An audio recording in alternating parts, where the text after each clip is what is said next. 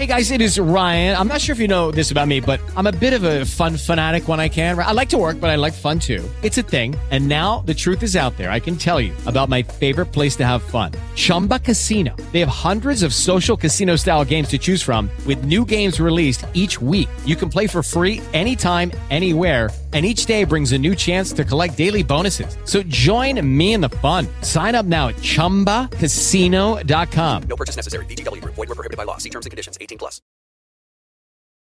Merhaba.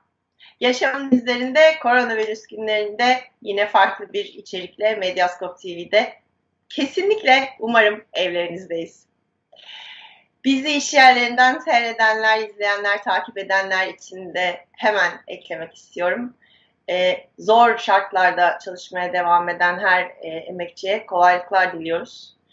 Ee, mümkün olduğu kadar kendinizi korumaya gayret edin. Bugün e, evde kalmanın hayatımıza etkisini konuşacağız. Koronavirüsün e, veriler, istatistikler, ölüm oranları, aklınıza gelebilecek her türlü e, bilgisi ağırlıklı olarak konuşuluyor. Ama belki de en az konuşulan konulardan bir tanesi ruh sağlığımız. Bugün konuğumuz uzman doktor Arzu Erkan Yüce, kendisi psikiyatrist. Merhaba Arzu Hocam, hoş geldiniz. Merhaba, hoş buldum. İyi yayınlar. Teşekkürler. Kabul ettiğiniz için teşekkür ederim. Bu aslında tam konukluk oldu. Çünkü birbirimizin evine, ofisine konuk olmuş durumdayız. Evet.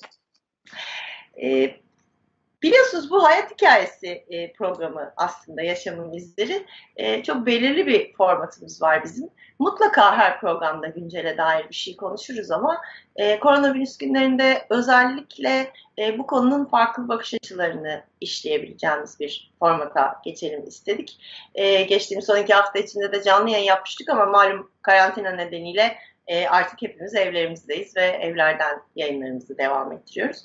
O yüzden böyle biraz formatın program formatımıza uygun e, biraz da korona ağırlıklı bir yayın yapalım istiyorum. Tekrar teşekkür ederim kabul ettiğiniz için.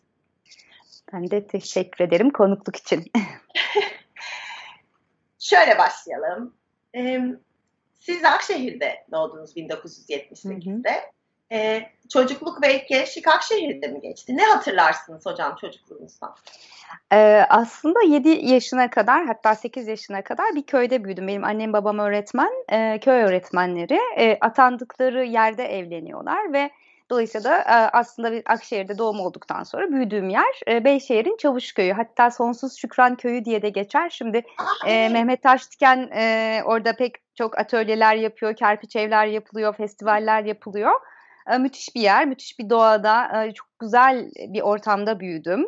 E, çok sıcak ve sevgi dolu bir ortamda büyüdüm. Bir de köydeki anılarım çok canlı. Yani hatta e, ölürsem beni oraya gömün diyecek kadar çok sevdiğim, bağlı olduğum bir yer. Hem de anne babam da öğretmen olduğu için ve kalkınmaya da çok açık olduğu için halka çok da el üstünde tutularak büyüdüm orada. Çok güzel. Ee, daha sonra e, annemin öğrencisiydim ilkokul birinci sınıfta e, ve köy yerlerinde de böyle birleştirilmiş sınıflar olur. İşte 1, 2, 3 birleştirilir, 4 ile 5 birleştirilir. Bilmem bilir misiniz? Evet. Ee, öyle bir sınıftaydım.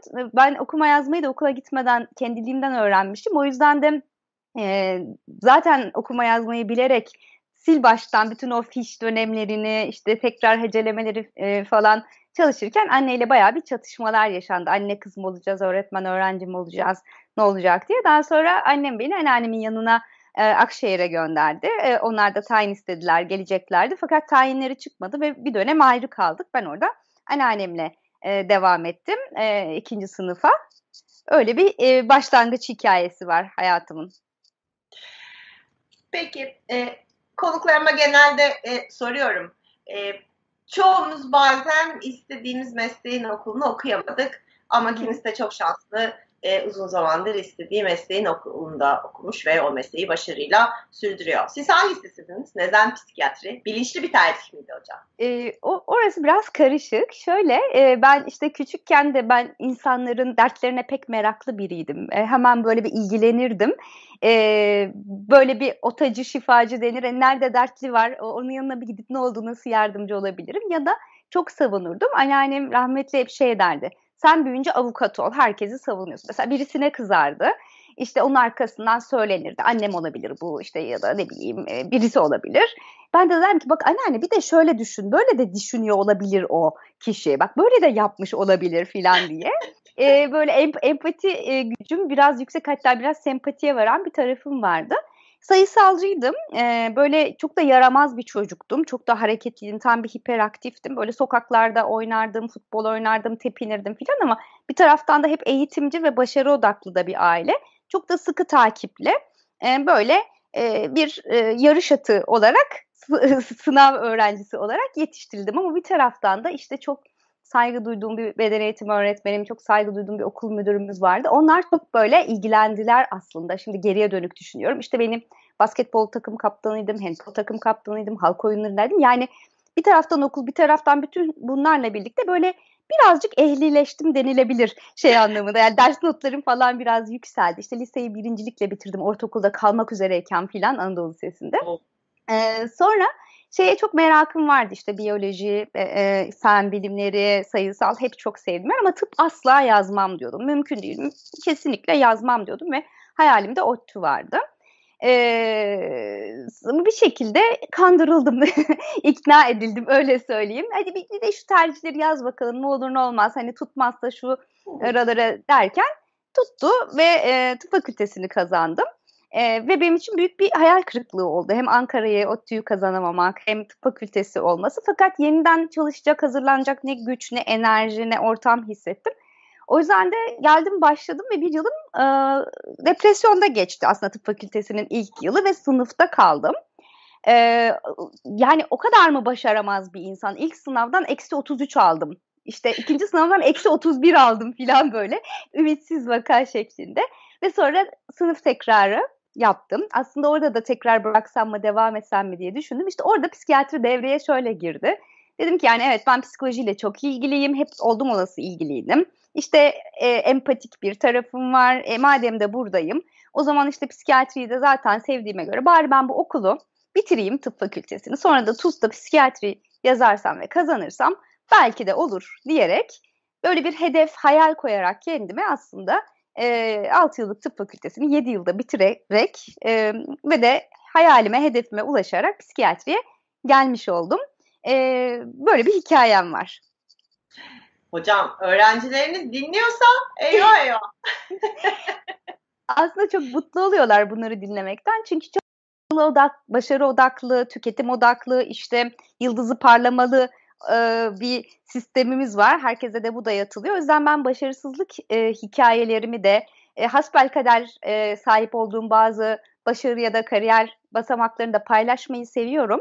Hem danışanlarımla hem de e, öğrencilerimle. Çünkü bu bir uzun soluklu koşu e, ve hiç kimse hiçbir şey olmak zorunda değil her zaman. Siz şu anda kendi muayenehanenizde İzmir'de e, aktif çalışmalarınızı e, sürdürüyorsunuz ama bir yandan İstanbul Kültür'de yarı zamanda öğretim görevlisi olarak çalışıyorsunuz. E, biraz temel uzmanlık alanınızla ilgili e, konuşmak istiyorum. E, tabii ki bizlerin anlayabileceği gündelikliğindeki biliyorum e, yazılarınızdan ve yorumlarınızdan siz gayet düz anlatabiliyorsunuz hepimizin anlayabileceği gibi. E, bilişsel davranışçı terapiler ve şema terapisi çalışıyorsunuz e, ağırlıklı ama kişisel arası ilişkiler ve aile terapisi ile ilgili de verdiğiniz zaten bir e, ders var. Bu konuda eğitimci ve süpervizör olarak da e, çalışıyorsunuz. Çok sayıda yayında da e, yazılarınıza, değerlendirmelerinize rastlıyoruz. E, çok kısa özetlemek gerekirse tam olarak neyle ilgili çalışıyorsunuz? İlişkiler çok geniş çaplı Hı-hı. bir konu başlığı çünkü. Hı hı. Ee, şöyle temel psikiyatri eğitimimiz dışında bizler e, dışarıdan bazı eğitimleri tamamlayarak aslında biraz merakımız biraz da e, karşılaştığımız kitleyle ilgili olarak kendimizi geliştiriyoruz. Ben de e, ağırlıklı olarak bilişsel davranışçı terapi alanında hep eğitimler aldım. Sonra da eğitmen oldum. Yaptığımız şey temelde aslında insanların e, olaylara bakış açısındaki farklılıkların e, bir takım duygu, davranış, düşünüş biçimlerine e, ve etkileşimlere sebep olduğunu biliyoruz. E, bizim yapmaya çalıştığımız şey bu şema terapide olsun, bilişsel davranış terapide olsun. Kişilerin e, farklı bakabilme, farklı düşünebilme, değerlendirilme e, kapasitelerini artırabilmek, seçenekli düşünebilmelerini ve daha objektif, nesnel değerlendirmeler yapabilmelerini sağlamak. E, bunları yapabildiklerinde duygu ve davranışlarının hatta bedensel işaretlerinin, e, bedensel değişikliklerinin de dönüştüğünü görüyor insanlar. O zaman daha farklı davranmak, daha farklı seçimler yapmak mümkün oluyor. Bu da kişiler arası ilişkileri de, e, kişinin hayatındaki bütün seçimlerinde etkiliyor. E, ben ağırlıklı olarak kaygı bozuklukları ile ilgili çalışıyorum. Dikkat eksikliği, hiperaktivite bozukluğunun erişkinde görülen e, sıkıntılarıyla ilgili çalışıyorum. Hem tıbbi tedavi yani ilaç tedavisi düzenleyebiliyorum bütün bunlar için. E, ama yaptığım şey ağırlıklı olarak insanları kapsamlı ve bütüncül değerlendirmek. Hem e, kan tahlilleriyle hem tıbbi muayeneleriyle hem de e, psikoterapilerle e, bir yaşam biçimi değişikliği sunabilmek. Yapmaya çalıştığım şey bu. Ağırlıklı olarak psikoterapiler yapıyorum. Bunun yanı sıra e, aile terapileri, çift terapileri, cinsel terapi gibi e, kişinin sorun yaşadığı hemen her alanda hizmet vermeye çalışıyorum. Şahane. Biz bugün böyle hep beraber toplu terapiye gelmiş gibi sayılır mıyız şimdi biraz? Bir, bir günde ben gelmek istiyorum o toplu terapilere. Böyle zor dönemlerde bazen bunu hissettiğiniz olur mu e, hocam? Diyelim ki kişisel hayatınızda siz de zor bir dönemden e, geçiyorsunuz veya genel atmosferimiz zaten zorunlu. Ülke için zaten sözün meclisinden dışarı hep öyle ama e, danışanlarla bu anlamda aynı psikolojide çakıştığınız dönemlerde kendinizi nasıl iyileştiriyorsunuz? Nasıl yöntemleriniz var mesela kendi özel hayatınızda? Ee, aslında e, bizim ülkemizde bir zorunluluk olmamasına karşın e, birçok bu alana gönül vermiş insan kendi de psikoterapi sürecine devam ediyor. Psikoterapi sürecini tamamlamış oluyor ya da paralel olarak götürüyor. Ee, benim 8 yıllık bir psikoterapi geçmişim var toplam gittiğim ve e, dönem dönem katıldığım eğitimler olsun, akran süpervizyonları olsun, verdiğimiz aldığımız eğitimler sırasında olsun hep bir etkileşim içerisindeyiz ve kendimizi, zorluklarımızı, açmazlarımızı konuşma fırsatımız oluyor. Biraz o anlamda mesleki dayanışmayı, diğer insanların e, deneyimlerini e, değerlendiriyoruz. Ee, bazen ihtiyaç duyduğumuzda yeniden terapiye gidebiliyoruz ya da bir e, kıdemli olabilir bizden ya da yaşıtımız ondan danışmanlık alabiliyoruz. E, bu şekilde aşmaya çalışıyoruz. Bazen çok zorlandığımız bir durum varsa örneğin diyelim ki ben boşanma sürecindeyim ve bununla ilgili travmatik bir e, durumdayım. Belki ruh sağlığım çok da dengeli değil, üzgünüm, kırılganım. O dönemde e, boşanma süresindeki sürecindeki danışanları almamam, bir başka terapiste yönlendirmem uygun olabilir. Ya da yakında diyelim ki annemi kaybettim ve yakınlarını kaybetmiş yaz sürecindeki danışanlarla belki çalışmak uygun olmayabilir ya da 3-4 hafta süresince bir kendimizi inzivaya çekip toparlanıp geri dönmemiz gerekebilir. Bu genel çerçeveler dışında ben okumayı çok seviyorum. Yeni şeyler öğrenmeyi çok seviyorum. Bu bana iyi geliyor. Böyle baş ediyorum. Bilmek bana çok iyi geliyor. Bilgiyi araştırmak, seçenekli düşünmek, değiştiğimi görmek bana çok iyi geliyor. Bazı konularda bir danışanım şey demişti bana. Şöyle de düşünülebilir, böyle de düşünebilir, düşünülebilir diye alternatifleri konuşuyoruz. Bir konuda ben kendim üzerinden bir örnek paylaştım. Ve bana öfkelendi ve bir sonraki seans şöyle bir şey paylaşmıştı. Yani Peki ben sen mi olacağım? Yani doğrusu bu mu? Sen senin söyledikleri ben böyle yapıyorum diyorsun. Doğrusu bu mu? Ki bizim terapilerde asla hani böyle şeyler salık verme gibi bir e, şeyimiz olamaz rolümüz. Ben de şey dedim ki ya inşallah olmazsın. Çünkü ben de benden memnun değilim. inşallah olmazsın. Çünkü ben dünkü halime bakıyorum. Aa diyorum niye de böyle yapmışım. Aa hiç bu açıdan bakmamıştım. Demek böyle düşünmek de mümkünmüş. Yani esniyoruz genişliyoruz, büyüyoruz, öğreniyoruz. Bunlar bana iyi geliyor. Dertleşmek, birkaç güvendiğim dostumla dertleşmek iyi geliyor. Yalnız kalmak iyi geliyor. Kalabalıkları çok sevmiyorum. Çok arada güreli hareket bana iyi gelmiyor. Yazmak gerekiyor. Ben altıyor olabilir. Bunları söyleyebilirim. Biraz da müzikle ilgilenmek belki. Yavaş yavaş bu geçtiğimiz zor günleri konuşalım istiyorum artık. Ee, koronavirüs salgınıyla dünya genelinde pandemi ilan edilen küresel salgınla e, Çin dışındaki Ocak ayında ilk görülmesiyle birlikte bütün dünya aslında çok yavaş yavaş da diyemeyeceğim bir e, hızla yüzleşmek durumunda kaldı. E, bizim de ilk resmi vaka duyurumuz 11 Mart'taydı. Biz de yaklaşık 3 haftadır e, salgınla mücadeleye başlamış durumdayız. Şimdi salgının birçok boyutu konuşuluyor. Ekonomik, e, sağlık açısından, tedaviler açısından, hastaneler ve sağlık emekçileri açısından genel olarak boyutu, e, toplum ve çalışanlar açısından genel olarak boyutu gibi.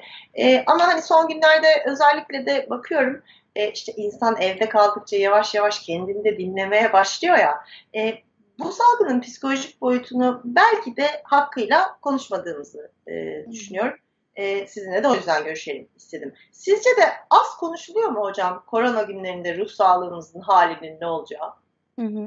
Aslında dillendiriliyor. Bu konuda sosyal medyada pek çok kişi kendi platformundan bilgi vermeye çalışıyor. Özellikle Türkiye Psikiyatri Derneği'nin muazzam çalışmaları var. Her yönüyle çok e, ivedi bir şekilde ve ekip çalışması halinde çalışma grupları, bilimsel çalışma grupları e, hemen basın açıklamaları, halk duyurular, e, meslektaşlara duyurular, sağlık çalışanlarına duyurular ve kılavuzlar şeklinde yayınlar yapıyor ve e, konukluklar e, yine bu programdaki gibi konukluklarla halka bilgi vermeye çalışıyor. E, bu, bu, bu çok sevindirici ve güzel. E, bu tamamen kişilerin kendi gayretiyle ve meslek örgütümüzün kendi inisiyatifiyle olan bir şey. E, oysa ki ben e, benim gördüğüm kadarıyla bizim toplumumuzun daha ana akım medyadan da e, bu tür şeylerin yapılmasına Hatta kriz yönetimiyle ilgili belki bir merkez kurulması yani bakanlık nezdinde birçok meslek örgütünün ve sivil, sivil toplum kuruluşunun deneyimlerinden, sahadaki deneyimlerinden de faydalanır nitelikte e, çalışmalar yapması. Hatta e, ana akım medyadan psikiyatristlerin, psikologların konuştuğu, sosyologların konuştuğu yine bilim kuruluyla e, entegre e, şekilde bilgilendirme programlarının yapılması gerektiğini düşünüyorum. E, bunların olmaması bir eksiklik yaratabiliyor. Medyada ve haber programlarında küçük küçük yer verilmeye çalışılıyor belli başlıklar altında. Ama daha kapsamlı e, bir şey gerekiyor. Çünkü burada sadece viral bir salgın yok. Bilgi kirliliği salgını, bir kaygı e, pandemisi aynı şekilde de söz konusu. Dolayısıyla insanların ruh sağlığı gerçekten çok kötü etkilendi. Başa çıkmaya çalıştığımız en önemli şeylerden biri sadece virüsü kapıp hasta olmamak değil aslında bir belirsizlik hissi hı hı. E, yakınlarımız için de kendilerimiz için de bir endişeyle başa çıkmaya da çalışıyoruz. Hı hı. Buna bir de işsiz kalmak, maddi yetersizlikler, hı. işte kira nasıl ödenecek, faturalar ne olacak, bir şey ertelenmedi, e çalışmazsa normal hayatını sürdüremeyecek, günlük çalışmadan para kazanan da çok ciddi bir e, kitle var. Bu evde kalmanın e, farklı boyutlardan üzerimize doğru gelen travmatik etkisini konuşalım biraz. Hı hı. E, şimdi bir e, biraz daha e, şanslı ya da işini evden yapabilen bir kesim var. Bu kendi inisiyatifiyle olabilir ya da işverenlerinin inisiyatifiyle olabilir. Bunlar biraz daha e, e şu anlamda az etkileniyorlar. En azından evinde belki de çocuklar da varsa hele kim bakacak, nasıl olacak sıkıntısını çok daha az yaşayarak e, kısmen halletmeye çalışabiliyor. Ama ev ortamında çalışmak, adapte olabilmek, üretebilmek çok da kolay değil. Hele ki hepimiz dakika başı acaba ne oldu e, diye haber almak ya da bir bilgi edinmek peşindeyken. Bir başka boyut çalışmak zorunda olan insanlar var. İşte hepimiz söylüyoruz evde kal, evde kal. Geçen gün bir takipçim bana yazmış büyük bir serzenişle ve öfkeyle evde kal diyorsunuz da yani ben işe gitmek zorundayım. Patron işi tatil etmedi ve sinirim bozuluyor. Allah aşkına şunu söyleyip durmayın yazmış. Ben de derken çok çok, çok haklısınız. Ama dedim bu hani keyfi gezenler için söylüyoruz biz bunu. Yani zorunlu olmadığı halde dışarı çıkanlar için. Ve evet yani topyekün tatil edilmesi gerektiği yönünde. Hatta bizim ülkemizde değil yani bütün dünya 4 hafta 5 hafta neyse süresi bilim insanları bu konudaki daha iyi bilirler. Bütün dünyayı kapatsak, bütün hareketi durdursak ve herkes kendi önlemlerini almaya devam etse evet ekonomik açıdan belki sakıncası olacak ama uzun vadeli düşünüldüğü zaman çok daha getirisi olacak olan bir sistem ama kimse bunu yapmıyor. Dolayısıyla ülkeler kendi aralarında paslaşarak sürekli bir biçimde bu virüsü yaymaya devam ediyorlar. Ee, evde kalan insanların e, bir işte gidem e, işe gitmek zorunda olanların da hem akılları evde kalıyor hem yaşlılar ya da çocukları var e, evde bakım bakmakla yükümlü olduğu insanlar olabiliyor. Peki ben işteyken onlara ne, ne olacak? Ya da işten eve acaba ben nasıl bir şey bulaştıracağım getireceğim diye. Ya da işveren e, penceresinden baktığımız zaman ne yapsın? İş yerini mi kapatsın? İş, işçilerine ücretli izin mi versin? Ücretsiz izin verse bir türlü yıllık izin kullandırsa başka türlü. Yani her yukarı tükürseniz bıyık, aşağı tükürseniz sakal şeklinde etik, ahlaklı, dürüst davranmaya çalıştığınızda da e, çok içinden çıkamadığınız, sadece kendinizi düşündüğünüzde de içinden çıkamayacağınız. Yani öyle bir sistem var ki şu anda sanki böyle şey gibi hani e, çizgi filmlerde falan olur ya işte dört tane element bir araya gelince bir şey çıkar ortaya o dördüncüyü bekler falan. Yani herkes aynı oranda katkı ve fedakarlıkta bulunmadığı sürece bunun sonu gelmeyecek. O yüzden e, her ne yapıyorsa yapsın insanlar kendi çıkarına yapıyor ve avantajlı görünüyor olsa bile mutlaka dezavantajlarından onlar da etkilenecekler diye düşünüyorum. With the Lucky Land slots, you can get lucky just about anywhere. This is your captain speaking. Uh, we've got clear runway and the weather's fine, but we're just going to circle up here a while and uh, get lucky. No, no, nothing like that. It's just these cash prizes add up quick. So I suggest you sit back, keep your tray table upright, and start getting lucky. Play for free at LuckyLandSlots.com. Are you feeling lucky? No purchase necessary. Void where prohibited by law. 18 plus terms and conditions apply. See website for details. Sizce e, bu salgından, e, bu karantina, evde kalma sürecinden en çok etkilenen e, gruplar hangileri olabilir? Mesela aile içi şiddeti arttıracağı, e, boşanma oranlarını arttıracağı, Hı-hı. dünyadan farklı ülkelerden gelen yorumlar ve verilerle de e, biliyoruz. Hı-hı. E bizim de kadına şiddetle ilgili durumumuz Hı-hı. malum.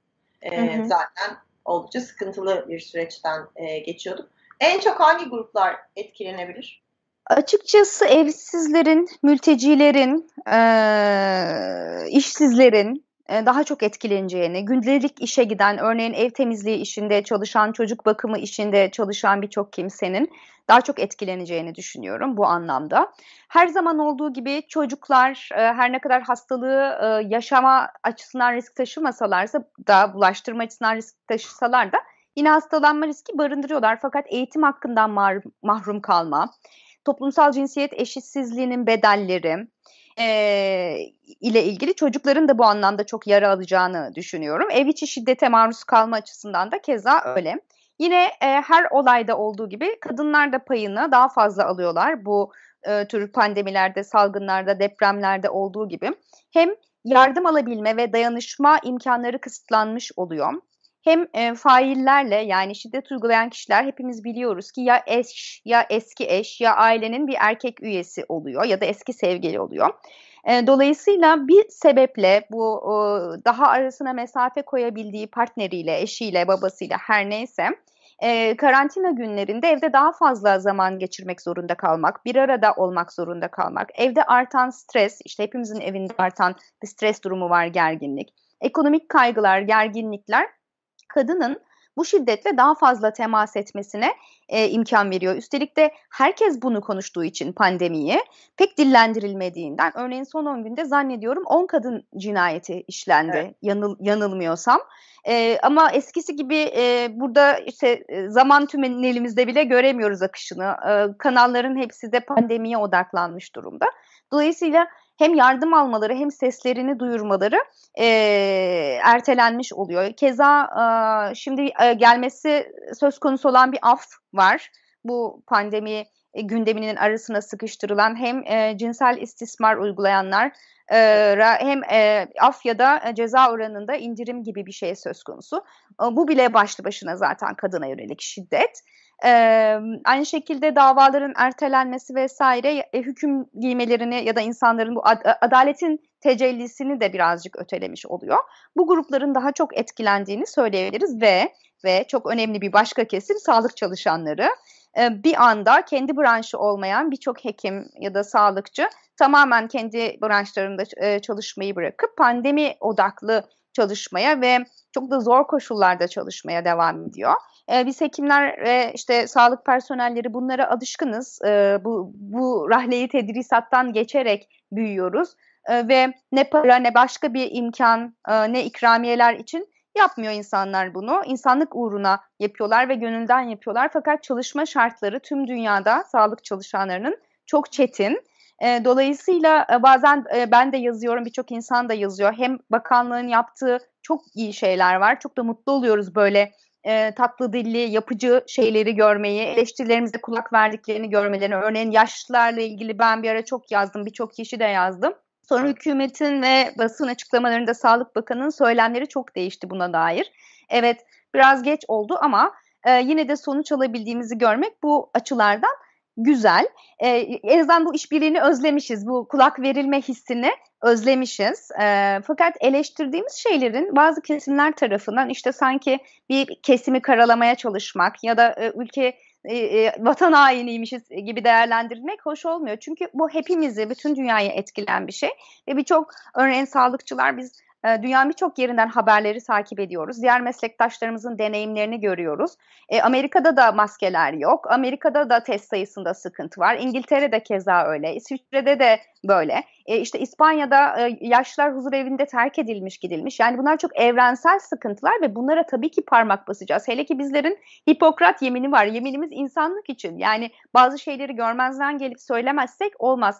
Kimseye zarar vermek değil amacımız. Amacımız görülemeyen bir yer varsa halkın içinden, sahanın içinden gördüğümüz deneyimleri aktarmak ve bunların iyileştirilmesi için uğraşmak. O nedenle bunlara kulak verilmeli, imkan verilmeli, sansürlenmemeli ve sağlıkçıların hem ekipman, kişisel korunma ekipmanları hem konaklama e, konusunda hem ulaşım konusunda halkın hijyenini de koruyacak şekilde, sağlıkçıların kendi evlerindeki anne baba çocuklarını koruyacak şekilde de bir düzenleme gidilmesi gerekiyor ülke çapında, dünya çapında. Tam burada biraz bu şeffaf bilgi meselesini konuşalım istiyorum. Ee, bilmek her zaman güven verir mi? Gerçeklerle yüzleşmek ve ona göre önlem almak açısından e, özellikle. E, bu kapsamda baktığımızda hem bireysel olarak e, hem de devlet kademesi yetkililer olarak hı hı. neleri eksik veya yanlış yapıyoruz sizce? Hı hı. Ee, bilmek tabii ki iyi gelen bir şey. En azından yüzleşmeyi ve o e, süreci işlemeyi, ona hazırlanmayı sağlar. Yani bir kaybımızın yasını tutmayı, gerçeği kabullenmeyi, yapabileceğimiz ve yapamayacağımız şeyleri e, tespit edip en azından yapabileceklerimizle ilgili hazırlık yapmamızı sağlar. Hem ruhsal hem bedensel hazırlıklar yapabilmemizi sağlar. Bilmek iyi gelir ve haktır ve ihtiyaçtır baktığımız zaman. Dedim ya ben de nasıl rahatlıyorsunuz, nasıl baş ediyorsunuz bilerek bilgi bana iyi geliyor diye. Bu herkes için geçerli. Ee, şimdi şöyle bir yaklaşım görüyorum biraz e, yetkililerde. Ya işte hani olur ya anne baba arasında bir sorun olur bellidir, hissedilir evde. Ama sanki çocuk anlamıyormuş gibi çocuğa anlatılmaz. İşte iflas edilir, bir şey yapılır, bir gizlenir, orada bir sır vardır. Ama bir kimse de bir şey söylemez ya da biri ölür, bir yakın akraba filan. E, çocuğa söylemezler aman sınav senesi öğrenmesi diye. Çocuk o atmosferi sezer, o güvenlikli olmayan atmosferi sezer. Bu kez yazmaya başlar, kafasından kurmaya başlar, spekülasyonlar e, yapar ve belki hatalı e, sonuçlara ulaşabilir ve kaygı düzeyi artar. Üstelik de şöyle düşünür, Allah'ım durum o kadar kötü ki bana bile söylemiyorlar. Yani benim baş edemeyeceğim kadar kötü. Demek ki ben e, çok güvensiz bir ortamdayım hatta ebeveynlerime bile güvenemem diye. Ben biraz ülkedeki durumu buna benzetiyorum. Yani hükümetimiz belki bizi korumaya çalışıyor, halkımız galeyana gelmesin, aman da panik olmasın diye. Fakat panik olmasın ta- diye tatlı tatlı giderken ricalarla falan böyle işte bir takım şeyleri e, sınırlı bilgiler verirken filan insanlar aymazlık içerisinde sokaklarda halay çekiyorlar, pikniğe gidiyorlar, ne korunuyorlar, ne dikkat ediyorlar. Aman canım yaşlar ölüyormuş gibi bir şey çıktı mesela. Yani sanki onlar insan değilmiş ya da gözden çıkarılacak varlıklarmış gibi.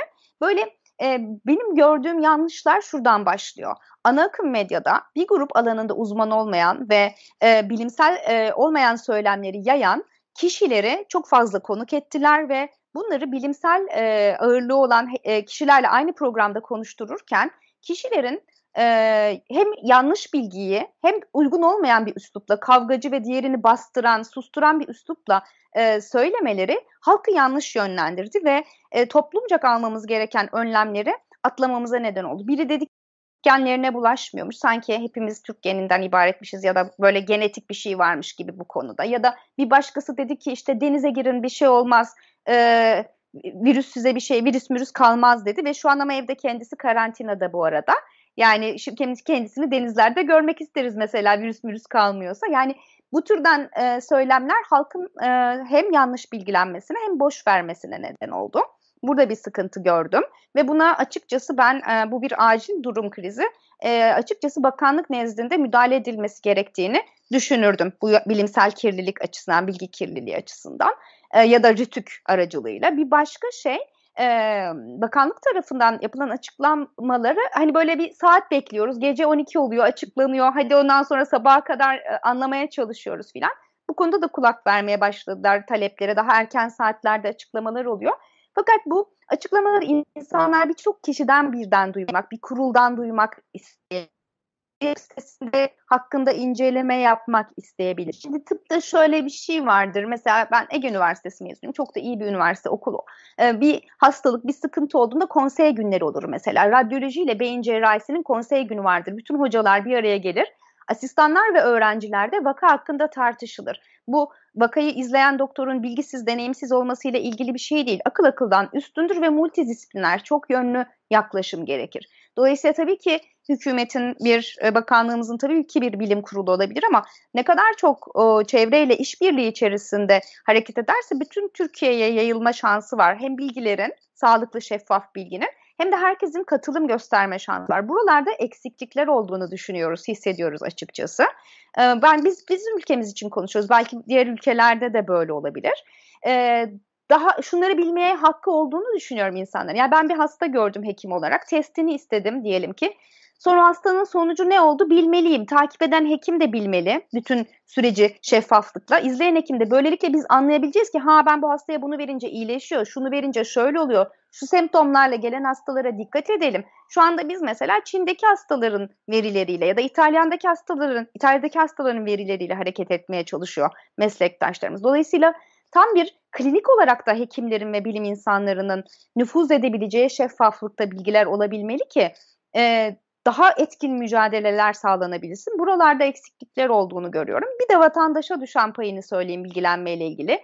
WhatsApp'ta, sosyal medyada, orada, burada korkunç bir bilgi kirliliği var. Herkes bir arkadaşımdan gelen mesaj diye bir şey gönderiyor, ses kaydı gö- gönderiyor. Bunları lütfen yapmayalım teyit etmeden hiçbir şeyi yaymayalım. E, kime faydası olacağı belli olmayan bilgileri e, kötü etkileri olabilir. Lütfen bu konuda da sorumluluk sahibi olalım. Bu da vatandaşın payına düşen. Hocam e, yavaş yavaş kapatırken zamanımız da e, daralıyor. E, sosyal medyanın bu aktifliği hayata bir ekrandan bakmak zorunda kalmakla ilgili dertlerimiz var. Hani hep konuşulur e, sosyal iletişim yüz yüze yapılan bir şeydir. İşte mimiktir, sestir, görseldir sadece değil. Hani yanınızdaki, karşınızdaki insanı hissedersiniz. Ama şu anda böyle bir e, yaşam şartımız yok maalesef. Hepimiz hayata gerçekten ekrandan, sevdiklerimizi dahi ekrandan görerek devam ettiriyoruz. E, biraz günlük e, tavsiyelerle bitirebilirseniz evde kalan hı hı. E, insanlar için, evde kalması gereken insanlar için. Çünkü hayatlarımızı kurtarmaya çalışıyoruz. Hı hı. E, böyle tavsiyelerle bitirirseniz çok sevinirim. E, ne olur ne olmaz demeyin. Siz önleminizi alın mutlaka. Çünkü virüsün davranışlarını bilmiyoruz henüz, henüz kestiremiyoruz. O nedenle e, ben örneğin e, İzmir içerisinde oturmasına rağmen ne anne babamla ne kardeşimle görüşmedim ailesiyle de. Tamamen telefon ve e, görüntülü görüşme üzerinden ilerliyoruz. Eskisinden aradığımdan daha sık arıyorum. Onlar da o şekilde. Aile WhatsApp grupları üzerinden daha fazla şeyler paylaşıyoruz dostlarımızla da. Bunları önemsiyorum. Örneğin işte sosyal medya olmasaydı ya da dijital dünya olmasaydı şu an biz sizinle bir araya gelememiş olacaktık bu şartlarda. Yani şikayet ettiğimiz azıcık da kısıtlasak dediğimiz sosyal e, medyaya, dijital ortama şu anda hepimiz muhtaç durumdayız. Bu haber alabilmek için de, gelişmeleri takip etmek için ve sosyalleşebilmek için de önemli. Ama e, bazen yorulduğumuzda denge e, yakalamak e, önemli. Belki birkaç saat molalar vermek, günde birkaç saat e, belirleyip o zaman diliminde girip sonra tekrar e, girmemeye çalışmak. Yani tükenmemek adına iyi olabilir. Ben ilk günler hafta sonu özellikle çok zaman geçirdim ve ortalıkta çok fitil gibi dolaşıyordum. Sinirliydim, öfkeliydim, gergindim. Ee, sonra birazcık böyle az- azaltabildim. Azaltabildikten sonra biraz daha iyi hissettim.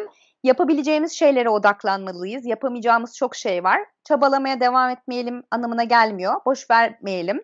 Dillendirelim dertlerimizi, sıkıntılarımızı ama neyi iyi yapabiliyorsak onu yapmaya devam edelim, dayanışalım, etrafımızdaki insanlara ulaşalım, uzanalım. Belediyelerin, sivil toplum kuruluşlarının, e, kolektiflerin, yerel e, dayanışma ağlarının çok güzel etkinlikleri var. Onlara destek verebiliriz e, bulunduğumuz yerlerden. Nasıl katkı verebileceksek. Maddi manevi katkılar olabilir bunlar. Örneğin bir e, mülteci hakları için uğraş veren e, gidip e, onların yanında destek veren gönüllü ekipler var. Belki gidemeyebiliriz ama en azından onlara ekonomik anlamda bir kaynak yaratabiliriz.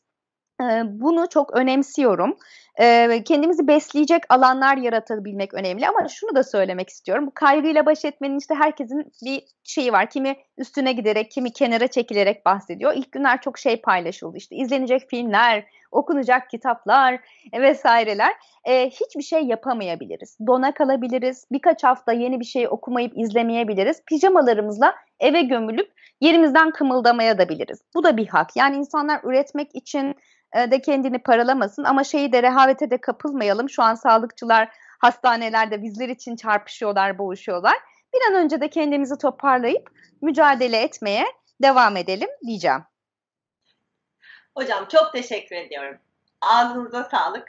Ee, gerçekten sizi dinlerken e, iki şeyi çok net hissettim. Bir tanesi böyle bir yayın yapabilmek e, benim için de bana kişisel olarak iyi gelen bir şey. Çünkü bir işe yaradığınızı hissediyorsunuz. Bu çok güzel bir histi. E, bir ikincisi de dinlerken bir taraftan evet bunu doğru yapıyormuşum. Hı, bu konuda eksiklerim var diye düşündüm kendi kendime. Umarım izleyicilerimiz de aynı hisleri paylaşmıştır. Ağzınıza sağlık. Ben de çok teşekkür ederim. Hem beni misafir ettiğiniz için sürçülisan ettiysem affola. Çünkü bunlar benim görüşlerim. Hani bu işin çok doğrusu yanlışı diye bir e, şey yok. Bir başka uzman belki başka taraflardan bakabilir. Ben hani kendi bildiğim ölçülerde bir şeyleri aktarmaya çalıştım. Dilerim dinleyenlere de yararı odur. Çok teşekkür ederim samimiyetiniz ve sıcaklığınız için teşekkür ederim. E, bu işin bu kadar canlı, hepimizin evinin içinden, belki de gündelik hallerimizle olmasının da mutlaka herkese samimi ve sıcak gelen bir tarafı vardır ben inanıyorum. Yaşamın izlerinde e, bu hafta yine koronavirüs konuştuk ama biraz daha kendimize e, odaklı konuştuk aslında. Bir çeşit toplu terapiye gittik denebilir. Konuğumuz uzman doktor Arzu Erkan Yücey'di.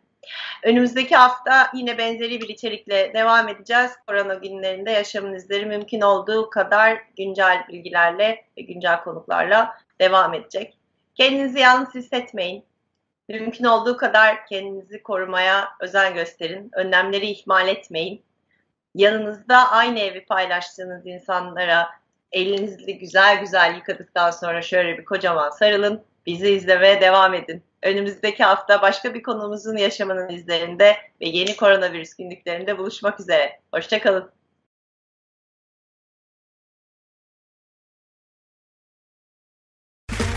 Okay, round two. Name something that's not boring. A laundry? Ooh, a book club. Computer solitaire, huh? Ah, oh, sorry, we were looking for Chumba Casino. That's right. ChumbaCasino.com has over 100 casino style games. Join today and play for free for your chance to redeem some serious prizes. ChumbaCasino.com. No purchase necessary. Full prohibited by law. 18 plus terms and conditions apply. See website for details.